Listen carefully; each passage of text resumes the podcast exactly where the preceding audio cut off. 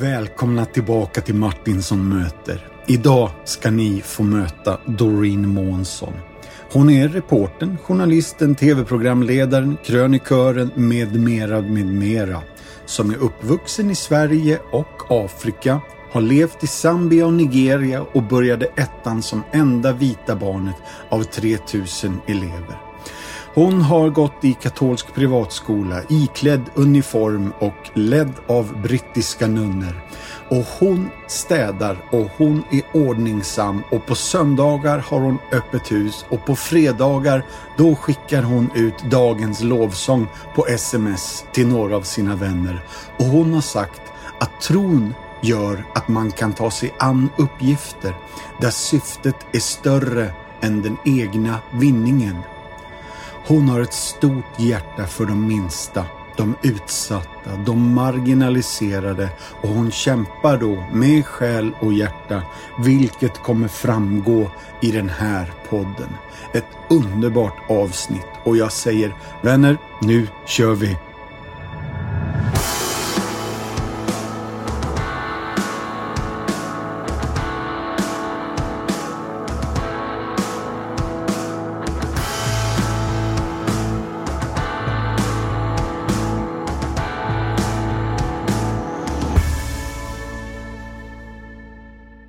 Hörni, då har jag redan sagt välkomna hit, men nu får jag chansen att säga välkommen till Martinsson möter Doreen Månsson. Tackar.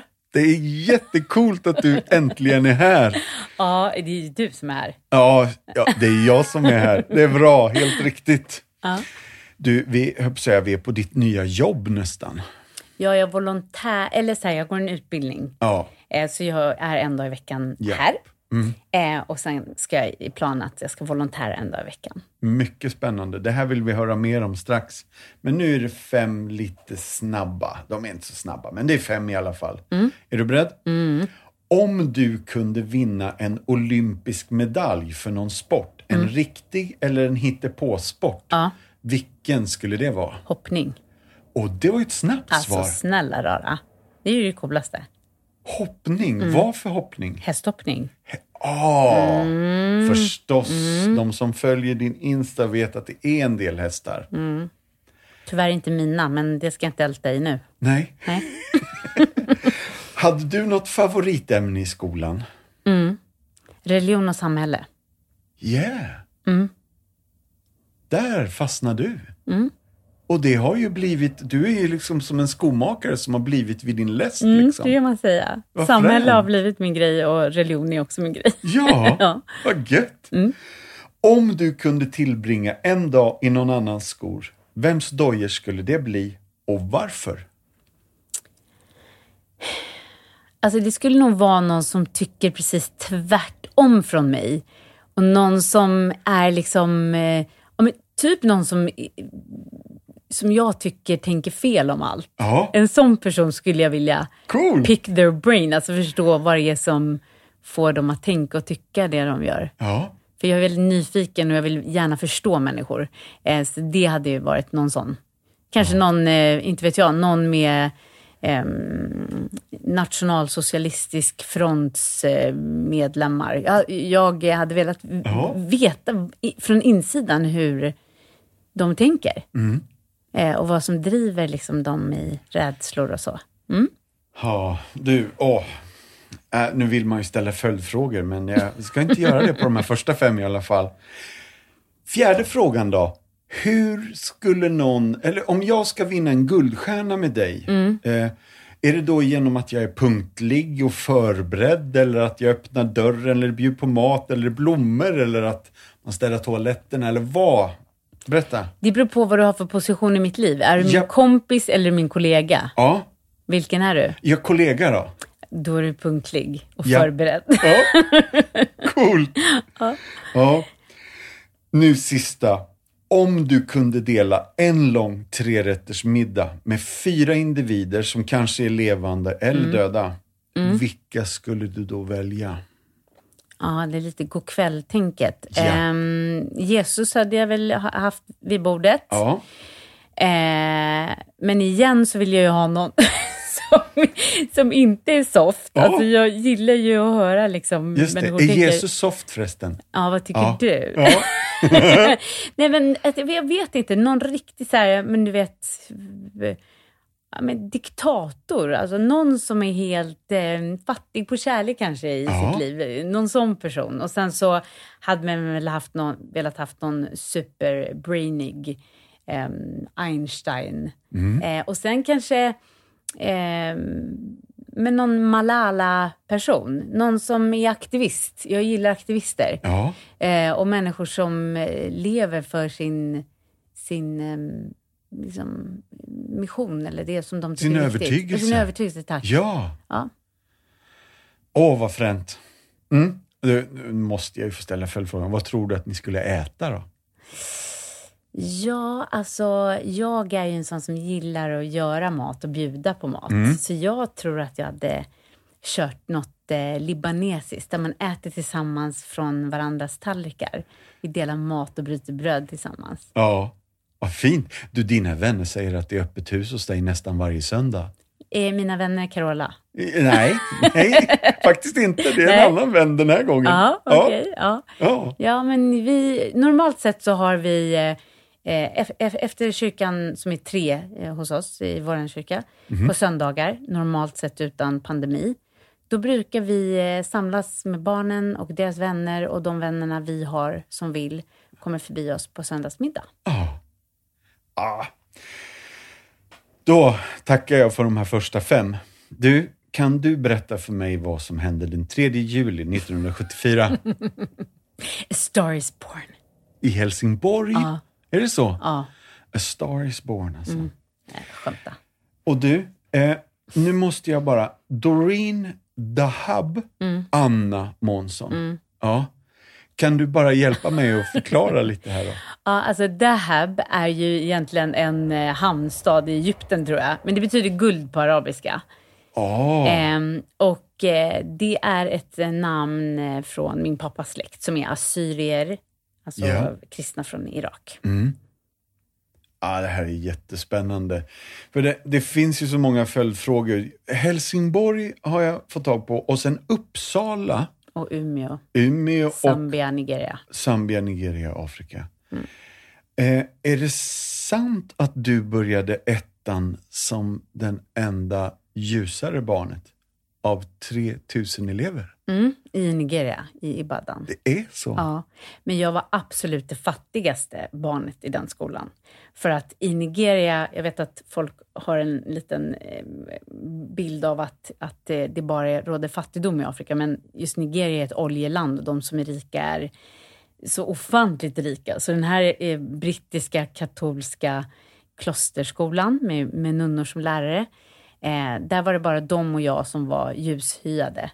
Eh, och resten var nigerianer. Ja. Eh, men de var ju så här oljemiljardärsbarn. Ja. och jag ska berätta en grej, att det var ju blandat där. Så att man gick ju hem till kompisar som någon hade bat mitzva och någon hade ramadan och någon hade hit. Och så det var fest varje dag, för det var Ja. liksom, det var en klosterskola men alla kom ju från olika religioner. ja. Och jag brukar säga det här till svenskar som tycker det är jobbigt med eh, svenskar med annan etnisk bakgrund som har sina kulturella uttryck och firanden.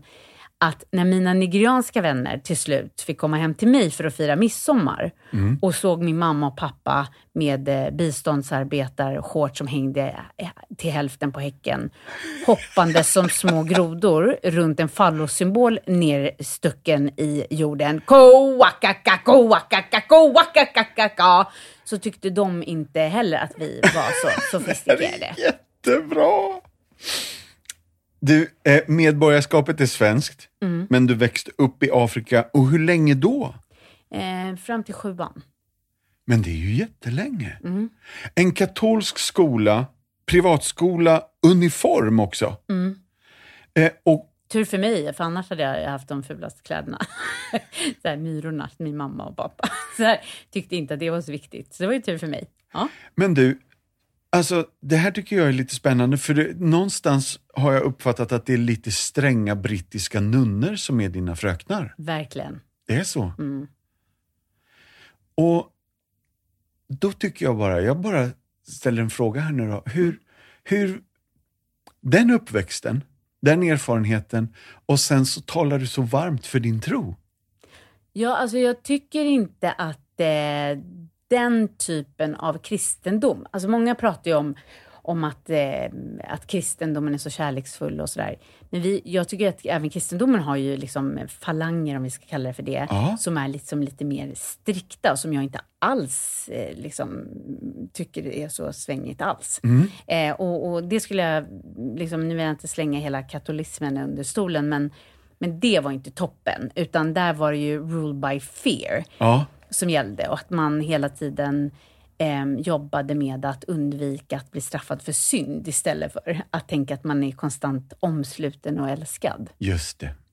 Just det. Men du, handen på hjärtat. Har det hänt att dina döttrar någon gång tycker att du är den strikta mamman från 1800-talet? Ja, det tycker de. Ja. Mina, mina barn tycker att jag har varit världens strängaste mamma.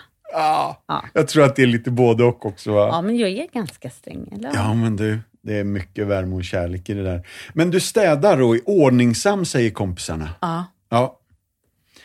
Och så söndagsöppet på huset och så är du ihop med Henrik som gör reklamfilmer med Zlatan. Nej, alltså. Han är Zlatan.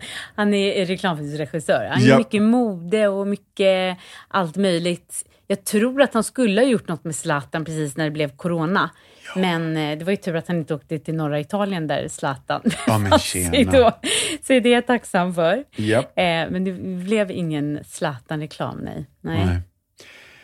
Reporter, journalist, tv-programledare. Mm, reporter har jag nog aldrig varit. Jag Är vet att det så? står det någonstans. Men Nej.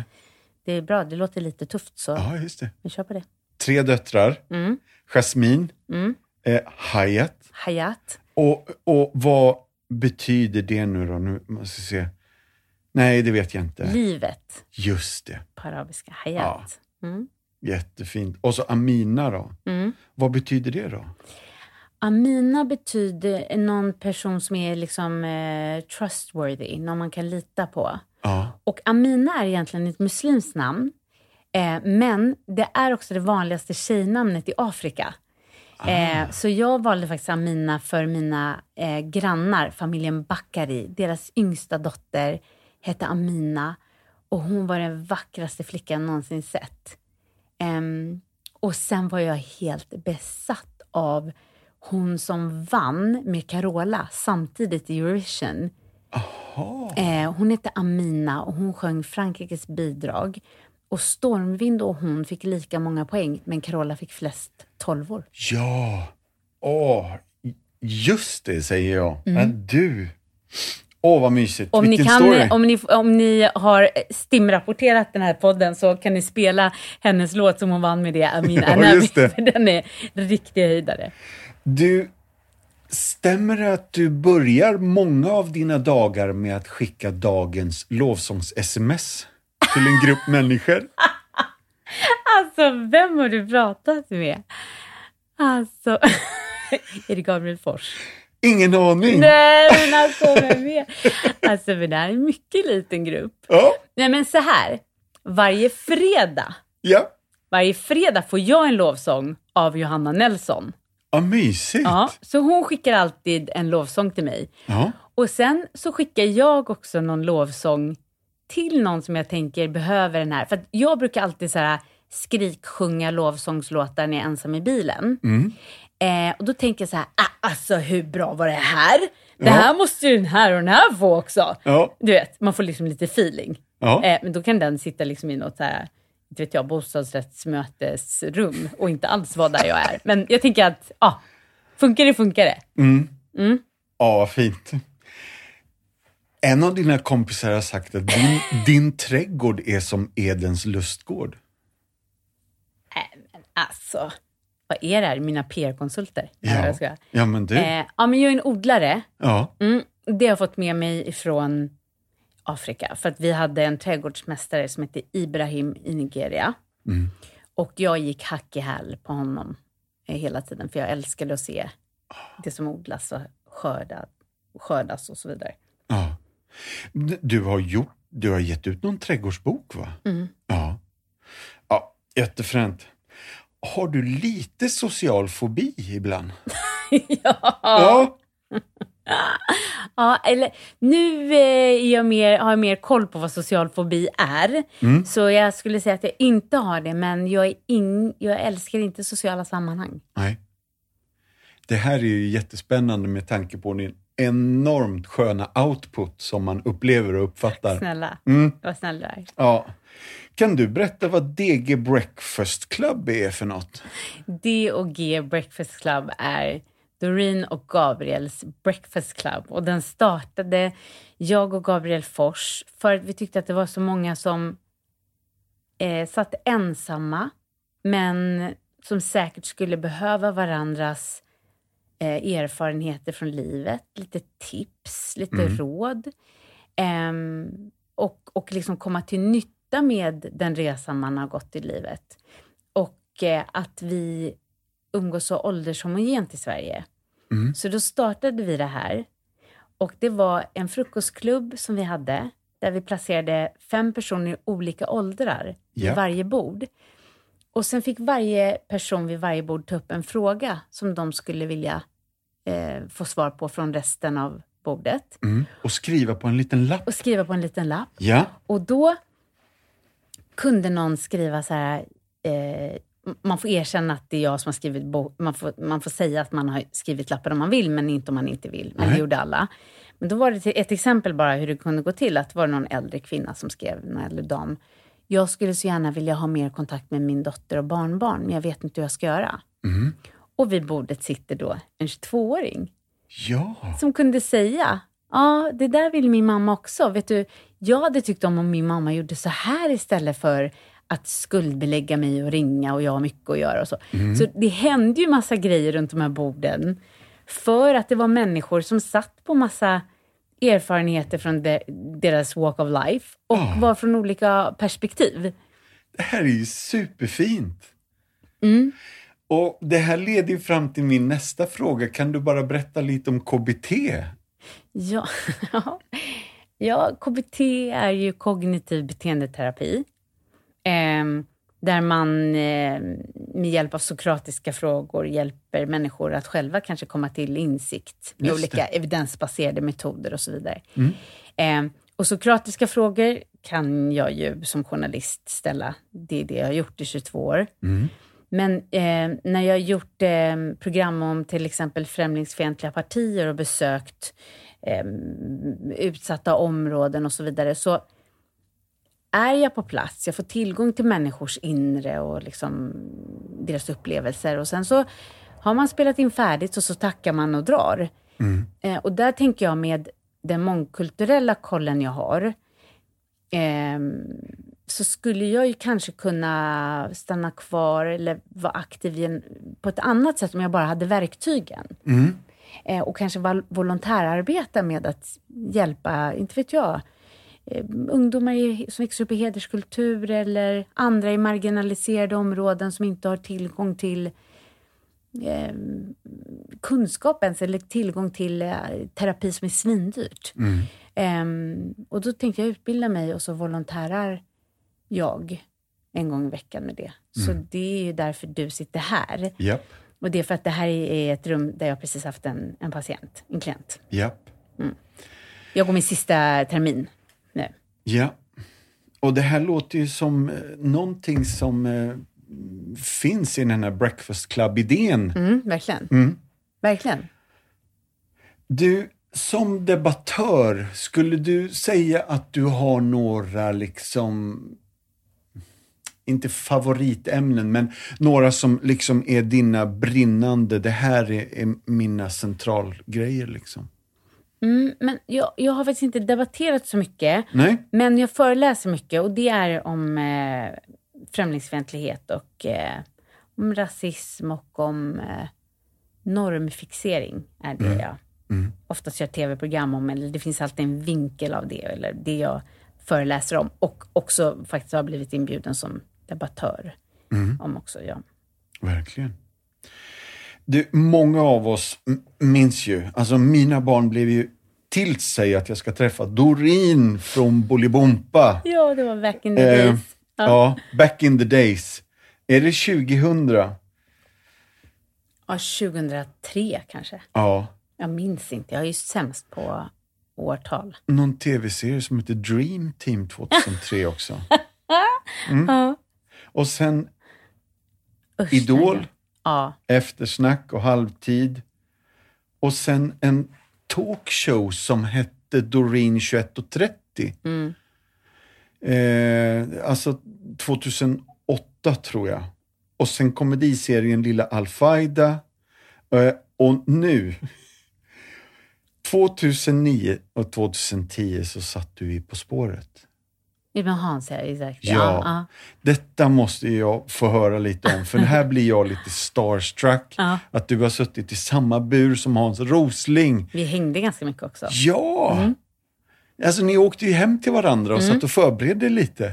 Nej, alltså, vi hängde, jag tog med honom, när vi var i Göteborg, så tog jag med honom till en eh, MMA-gala efteråt. Ja, som man ju gör. Och han var ju så anti och så här farbroraktig genom hela första hälften. Jag sa så här, han bara, jag kommer från Bombay, jag kommer vara jättetrött, eh, så att vi ses på, på SVT. Jag bara, ja, men efteråt, då ska du och jag göra en grej, så boka inget. Vad Ja. är det? Ja, men jag säger det inte, släpp kontrollen. ja, och då är det liksom en fullkontakts MMA-gala Ja. i Göteborg. Och han är ju helt bestört, han är ju läkare. Men sen är det ju han som står upp och skriker mest av alla. Ja. Eh, och eh, det som var klicken mellan oss var att det visade sig att under exakt samma år har vi bott i Ibadan i Nigeria samtidigt. Ibadan är alltså en icke-stad i Nigeria. Ingen bor där. Folk vet inte ens vad det är. Men vi Nej. bodde där samtidigt. Mm. Och vi bodde i Lusaka i Zambia samtidigt. Ehm, så jag fick ju hänga med hans doktorander på KI och gå en utbildning om HIVs spridning i världen. Och, så jag, vi hängde ganska mycket. Och sen fick jag med honom en massa andra tv-program som jag producerade och gjorde. ja. Så, och sen kommer jag ihåg att jag, hade en, jag kom rakt ut ur en direktsändning på SVT. Och hade fullt med sms. Och så kom någon från nyheterna springande så bara, kan du hoppa in i studion och berätta lite Hans, eh, om Hans Rosling. Och jag fattade ju inte att han hade dött då. Nej. Så jag kommer ihåg att jag satt på SVTs nyhetssändning och pratade om honom. Och jag vred mig hela tiden till skärmen som de hade med en bild på honom för att försöka, alltså jag fattade inte att Nej. Ehm, så så det, det var ju väldigt... ehm, ja, ja det, var, det var ju speciellt och såklart otroligt sorgligt. Eh, ja. Oerhört, oerhört fint att ni har suttit i bur ihop så länge. ja, verkligen. 2009 blev du nominerad eh, som bästa programledare och för bästa program en dokumentärserie om främlingsfientlighet som hette Välkomna nästan allihopa. Det här var en viktig grej. Inte bara att den blev, blev nominerad utan det här var ett viktigt program. Bara ta med oss lite i det här. Vad, vad hände? Nej, men det var eh, min bästa kompis, eh, Tarik Saleh, som är regissör, eh, filmregissör, och Anlin Guillou, som eh, kom på den här idén. Och det var faktiskt ett år innan SD kom alltså in i, ja, som folk inte trodde då. Eh, och då ville vi göra ett program som egentligen informerade nyväljare, alltså 18-åringar, om hur eh, rasismens historia i Sverige har sett ut och varför det kanske inte är så svängigt. Eh, och varför vi behöver eh, jobba emot det och hur det är ett hot mot vår demokrati. Eh, så då gjorde vi den här serien tillsammans och eh, som blev väldigt bra. Ja. ja, otroligt värdefullt och viktigt.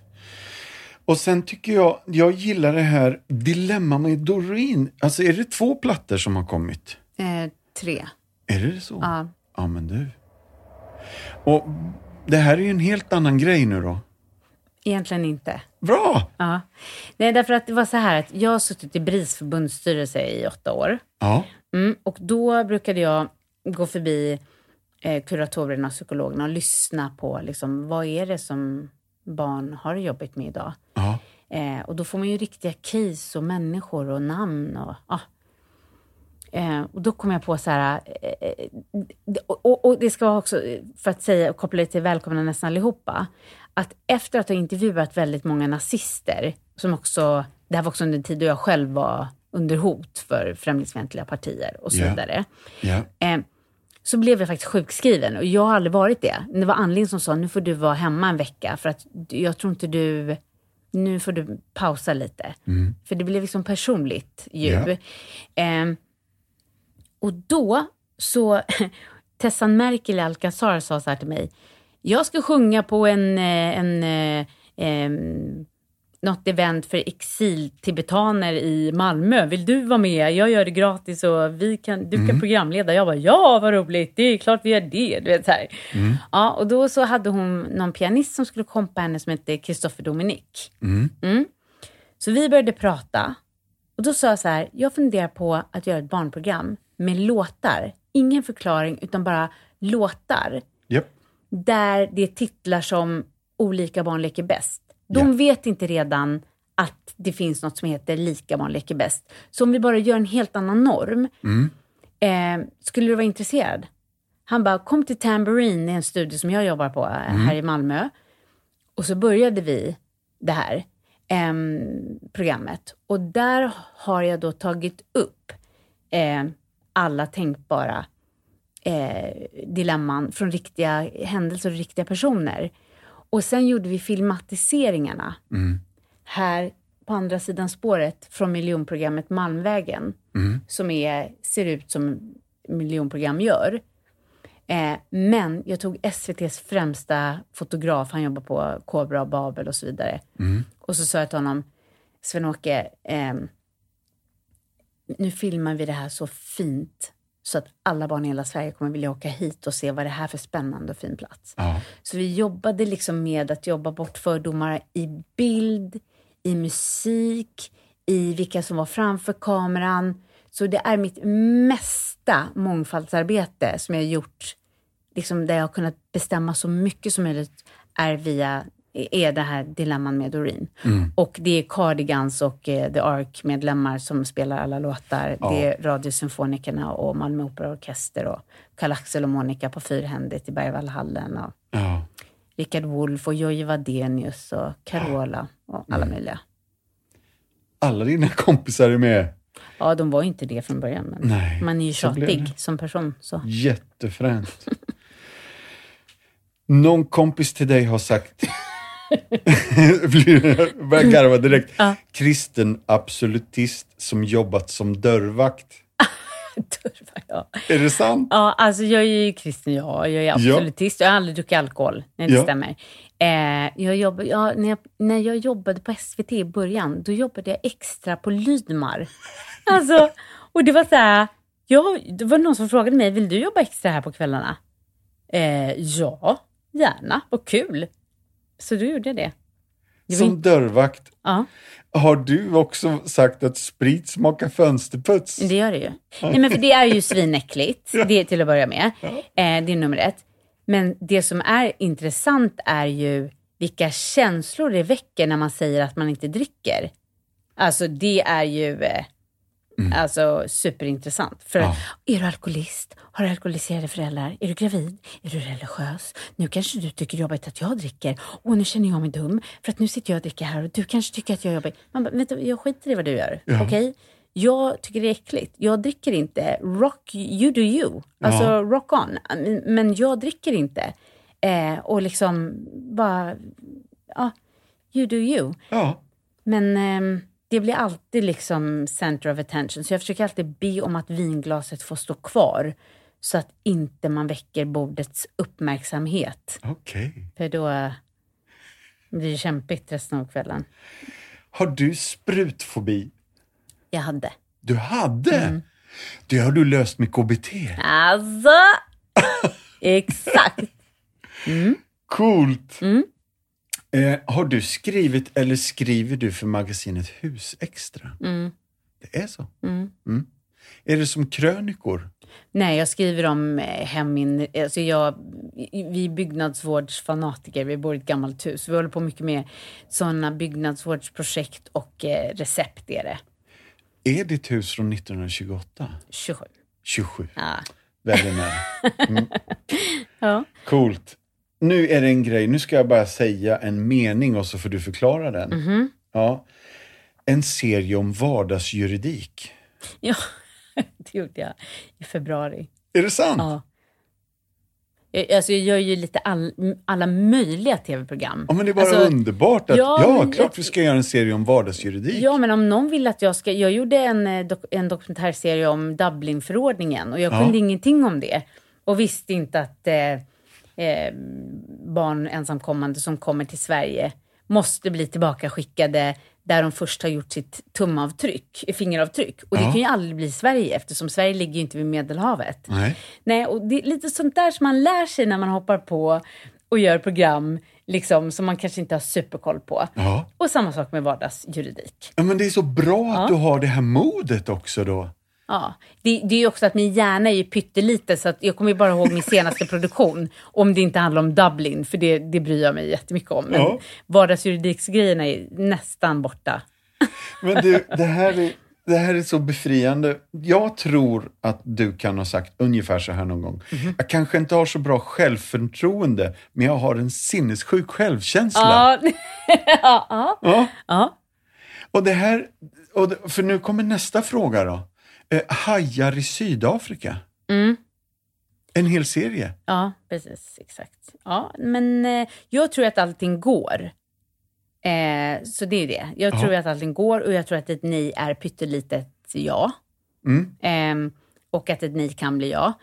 Ehm, så eh, jag eh, var med min man som gjorde modereklam i Sydafrika och då spenderade jag mycket tid på ett akvarium där i Cape Town. Och så hörde jag hur de hade såna här, eh, vad heter de, eh, någon guide som berättade, tog så små, små klasser på eh, sexåringar, sjuåringar.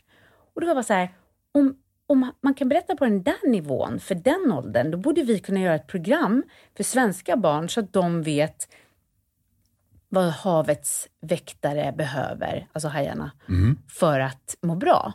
Eh, och det är det här jag tänker att de yngre barnen vet ju fortfarande inte om att man ska vara rädd för olikheter eller rädd för främmande. Och de vet inte om att Hajen-filmen finns, så de är inte rädda för hajar som 70-talister är. Så därför kan man ju bygga en annan norm och en annan sanning och ha en chans att få en förändring. Så då eh, gjorde jag det här programmet om hajar, eh, där jag byggde dem som ja, men, nyfikna och roliga karaktärer som behöver det ena och det andra för att överleva. Mycket fint. Och väldigt klokt tycker jag. Eh, jag tror att jag ska ta några minuter nu och berätta lite om Compassions arbete i fält. Bra, för jag undrar ganska mycket. Ja. Du, när jag är klar med den här lilla pitchen så får du, eh, så kör vi bara på. Eh, och har vi compassion-funderingar eller du har reflektioner så tar vi det bara. Den här gången skulle jag vilja läsa ett brev till er som lyssnare. Eh, det här är ett brev som skickades ut till alla våra faddrar i Compassion. Kära faddrar. En kraftig jordbävning har drabbat södra och sydvästra delarna av Haiti. På söndagskvällen den 14 augusti så uppgav myndigheterna att över 1200 är döda och över 5700 är skadade. Det är siffror som kan komma att öka ytterligare. Compassion samarbetar med 354 kyrkor i Haiti och flera av dem ligger i det utsatta området. De ansvariga för Compassion i Haiti arbetar med att utvärdera situationen, se till att de drabbade kan få hjälp så fort som möjligt. Du kan vara med och be för fadderbarnen, deras familjer och våra samarbetspartner på plats i den här svåra situationen. Om du önskar så är du välkommen att bidra till Compassions katastroffond som gör att vi kan agera snabbt när en katastrof slår till. Både i Haiti och i alla våra andra samarbetsländer. Du kan swisha till det här numret. 936 41. 936 41. Och märk gärna din gåva katastrofhjälp så att pengarna kommer rätt direkt. Det är vad vi skrev för ja, snart en vecka sedan. När det här spelas upp har det gått flera veckor sedan den här dagen. Så situationen gissar jag att flera av er har läst om i tidningen många gånger. Men gör mer än att bara läsa om det. Gör handling av det du känner när du hör det här. Hjälp de här människorna som behöver din insats just nu. Och för att du ska veta lite mer om Compassion, vi är en fadderbarnsorganisation i första hand. Alltså inte egentlig krishjälp, även om vi hjälper till i alla de här kriserna som uppstår. Då. Vi har funnits i 70 år. Vi startades i Sydkorea eh, av en man från USA som heter Everett Swanson. Och vi tar hand om 2,1 miljoner fadderbarn i världen. På grund av corona tar vi hand om 200 000 barn extra. Och det gör vi genom att se till att de får en fadder som hjälper dem genom livet fram tills de är 18 år. Och sen kan man fortsätta att vara fadder, givetvis. Men barnen är liksom inskrivna i fadderskapsprogrammet tills de fyller 18. Och sen kan de fortsätta. Så det är alltså, du som fadder blir direkt kopplad med ett barn någonstans i världen. Och du kan gå in på våran hemsida och hjälpa till helt enkelt. Vårt uppdrag är ganska enkelt. Det står i Bibeln, i Markus evangeliet 16 och 15. Gå ut i hela världen och predika evangelium för hela skapelsen. Så, Compassion finns som svar på missionsbefallningen. Vi existerar som en förespråkare för barn i nöd för att frigöra dem ifrån andlig, ekonomisk, social och fysisk fattigdom. Och vi vill på alla sätt vädja till dig att tillsammans med oss kliva in och förvandla liv på riktigt. Du hittar all information du behöver på compassion.se.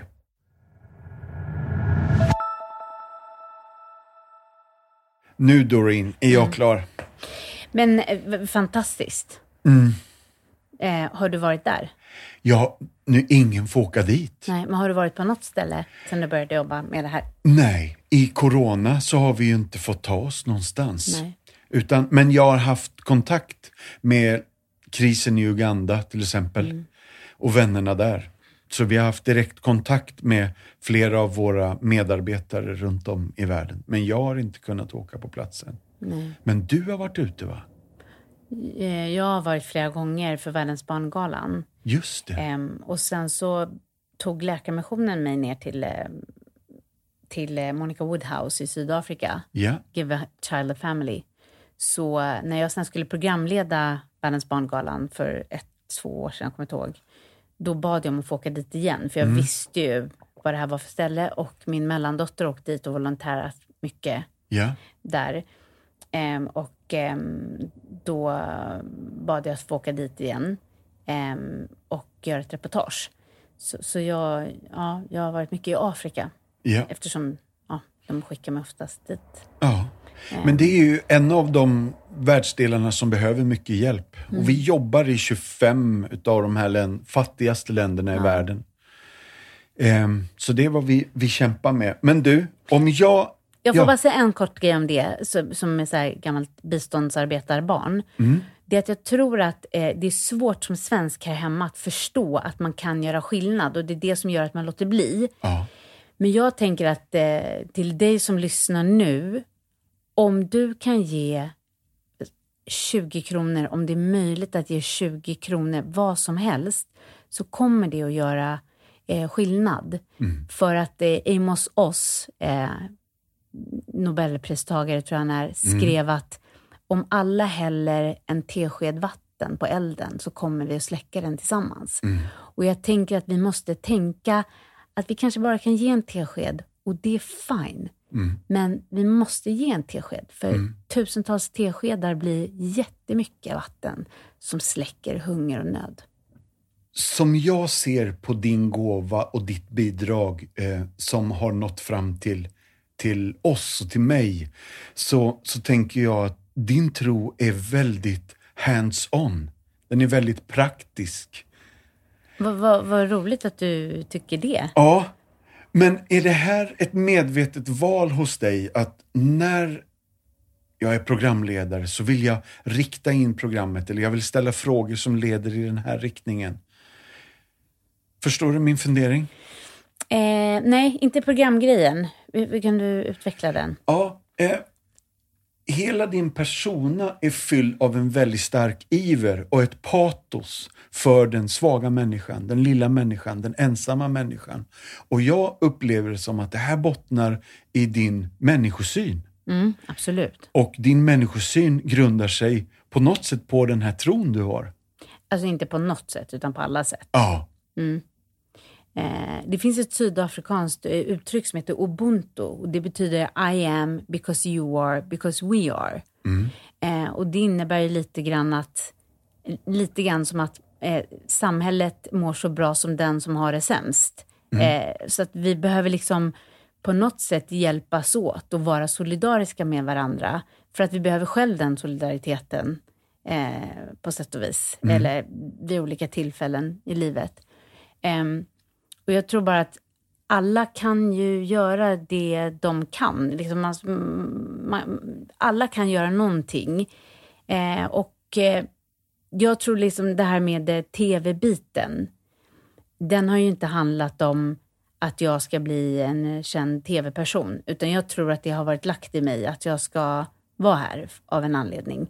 Eh, och det har gjort att det inte har varit så jobbigt för mig när jag har blivit utsatt för eh, hot och så vidare, utan mer faktiskt ett kvitto på att jag, är, jag gör ju rätt nu. just det. Det är vad jag tror att jag ha- har varit, att lagt i mig att göra. Ja, Eh, och jag kommer ihåg en gång att jag var på en gudstjänst, det var många år sedan, kanske 15-18 år sedan, uppe på Sankt Erik här i Sollentuna.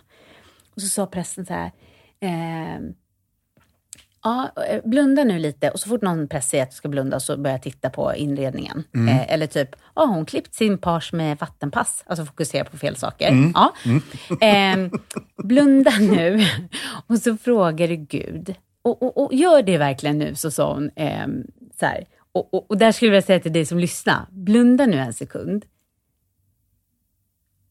Och fråga Gud, vad vill du göra med mig? Vad vill du att jag gör? Vad är lagt i mig att göra? Och för mig var det här en stund där det blev glasklart. Eh, och, och så är det inte alltid. Man behöver öva även på sin kommunikation att höra Gud, eller jag har fått göra det otroligt mycket. Ehm, jag har känt att jag inte hör, men det har kanske varit att jag inte lyssnar och behöver öva på det. Men när jag fick den där känslan av att jo, men jag ska göra det här. Och det kommer vara, vissa grejer kommer vara tuffa, men det är för att jag klarar det. ja, Så det är okej. Liksom, för att jag är inte ensam. nej, Eh, och, och det kommer vara kul och toppen och svårt och jag kommer inte vara ensam. mm, Ehm, så jag tror bara att, att ehm, när man har en övertygelse om att det är lagt i en att göra någonting, då blir man stark i sin mission och orädd. mm, Eh, och, och, och, och när man tappar det, vilket man gör, ja. då kan man ju få stöd av andra. Just det. Jag upplever det som att det du beskriver är det jag, när man säger kallelse, eh, inte att man har fått en kallelse till tandläkaren, Nej. utan att man... De är man, mer otrevliga. Ah, Ja, ah. nej, men att man har en, en kallelse över sitt liv. Mm. När du beskriver det här, det man är ämnad för att göra. Liksom. Ja, och det som är lagt i en. Jag Ja. tror att det är liksom, och jag tror att, eh, eller jag är övertygad om att alla har en sån grej. Bra. Och allas såna grejer är lika viktiga. Så därför är det viktigt att man tränar på att lyssna efter vad det är. För att så länge man inte är i den så tror jag inte man heller kan bli helt hel. Och det, det är det du säger också med att det här med att ge också gör någonting med oss. Jag tror att det är helande att få göra det som är lagt i oss att göra Just det. på något sätt. Ja. Och Vad jag, än det må vara. ja. Och jag upplever ju att när man läser Nya Testamentet och ser Jesu person, han är så otroligt utgivande. Och han är en återspegling av vem Gud är. Så det här ligger liksom i, i oss som skapelse så tror jag att, att vi, vi bör vara utgivande. För annars tar liksom egoismen över. Ja, och en grej som man märker mycket i Afrika, men som jag inte märker så mycket här, det är missionsbiten. Den är superstor i Afrika, så det är ju typ det kristendom är. Medan i Sverige så känns den inte lika central på något sätt. Så jag är uppvuxen mycket med att missionen är någonting stort liksom. Ja. Men här verkar den vara liksom lite kvävd på något sätt. Eller så är inte lika synlig. Men beskriv lite vad missionen är då.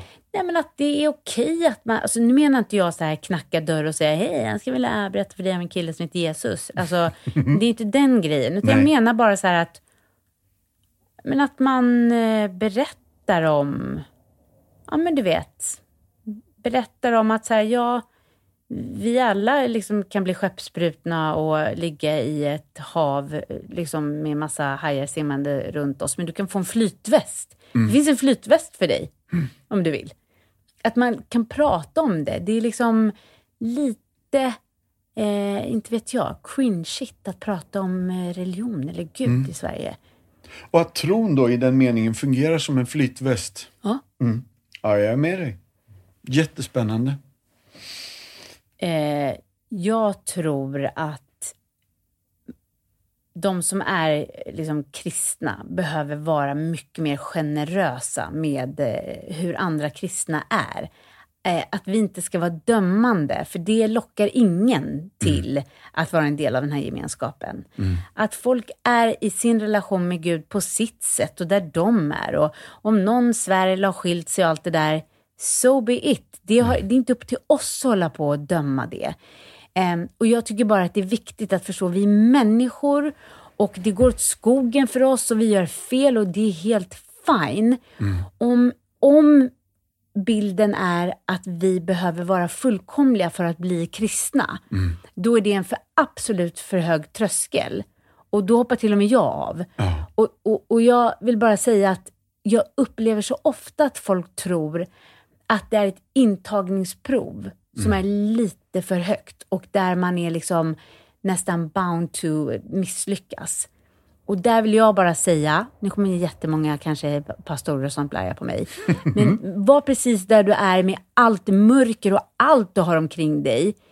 För det handlar bara om att liksom vara på väg åt ett håll. Det är resan som är grejen. Vi kommer inte vara fullkomliga och jag är typ sämst på allt möjligt eh, kristet, men min tro är superstark ändå. Du Doreen, vi är alldeles strax nere för landning. Ehm, På tal om landningsbana. ja, det var riktigt gött. Tack snälla för att vi fick ta tid med dig idag. Tack för att ni ville komma hit. Ja, det var jätteroligt. Och jag skulle vilja säga tack för allt du har gett och gjort. Genom media, genom tv-burken och eh, filmer och skivor och böcker där du på något sätt vill fortsätta och hjälpa oss allihopa, stora som små, i, eh, att gå i rätt riktning bara. Och hjälpa mig själv. Det är Ja, det. Hjälp till självhjälp. Ja, bra. Tack så mycket Mm. för att ni kom hit. Jättegött. Slut för idag och tack för idag allihopa. Vill du veta mer om det som har pratats om i podden så har vi något på vår hemsida som heter Show Notes. Där kan du se alla länkar till sånt vi pratar om när vi refererar till en film eller en bok eller en sång. Då finns de länkarna där, så gå in på compassion.se så hittar du helt enkelt massa extra material. Tack, ha det bra, bye bye, Hey då!